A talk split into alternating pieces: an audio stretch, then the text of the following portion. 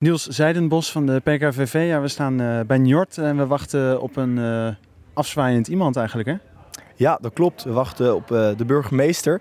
Die heeft na 20 jaar stopt inderdaad in zijn functie als burgemeester. En we willen met alle studentenverenigingen in deze middag hier bij Njord hem bedanken voor wat hij gedaan heeft voor ons de afgelopen jaren. Ja. Meneer Verink, u bent bij afscheidsborrel van de studentenverenigingen bij Njord.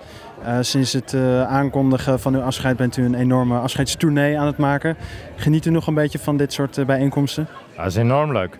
Um, nou, zo groot is die tournee nog niet hoor, want het feitelijke afscheid vindt pas eind augustus plaats en ik ben gewoon aan het werk nog. En er zijn ook allerlei dingen die daarbij horen waar ik nog volop mee bezig ben. Maar dit is echt ontzettend aardig, ontzettend leuk. Kijk, Leiden is de studentenstad, heeft ontzettend veel studentenverenigingen. En als burgemeester zijn er heel veel uh, momenten dat je daarmee in contact uh, uh, komt. En wij hebben in de loop der tijd ook geleerd dat dat ook belangrijk is voor de stad. En kan je daar een, een, klein voorbeeld van noemen waar die echt in uit heeft geblonken voor jullie? Nou, een vrij recent voorbeeld, weet natuurlijk allemaal nog de coronatijd. Studenten zijn allemaal noodgedwongen, bleven ze thuis. Um, maar ook welzijn van studenten ging achteruit, want ze raakten toch allemaal in een isolement. Ja. Uh, de burgemeester was de eerste burgemeester van Nederland die de brandbrief studentenwelzijn heeft getekend. Die is ook opgesteld door onze uh, voorgangers van de Plaatskamer van Verenigingen. En die is uiteindelijk ook landelijk opgepakt, die brief. En zelfs tot de minister toe gekomen om te zorgen dat de maatregelen, in ieder geval voor studenten, toch nog een beetje passend uh, bleven. we hebben ook al ehm, zeg maar zo'n kleine 15 jaar een, ehm, een wethouder studentzaken.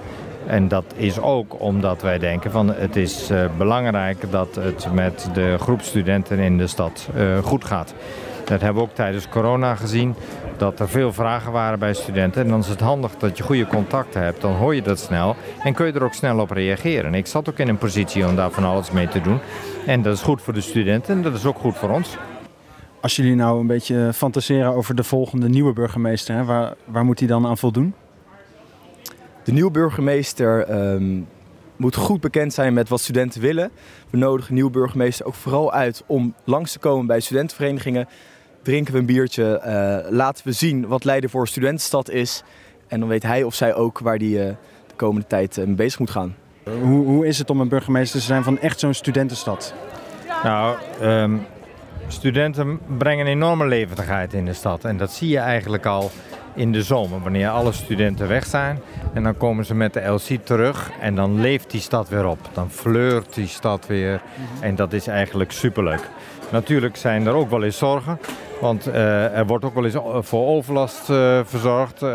Soms is het gedrag ook niet altijd zoals je zou willen. Ja, dan moet je als burgemeester ook wat aan doen. maar over het algemeen denk ik dat het samenleven hier heel erg goed gaat. En daar mogen we heel erg blij mee zijn.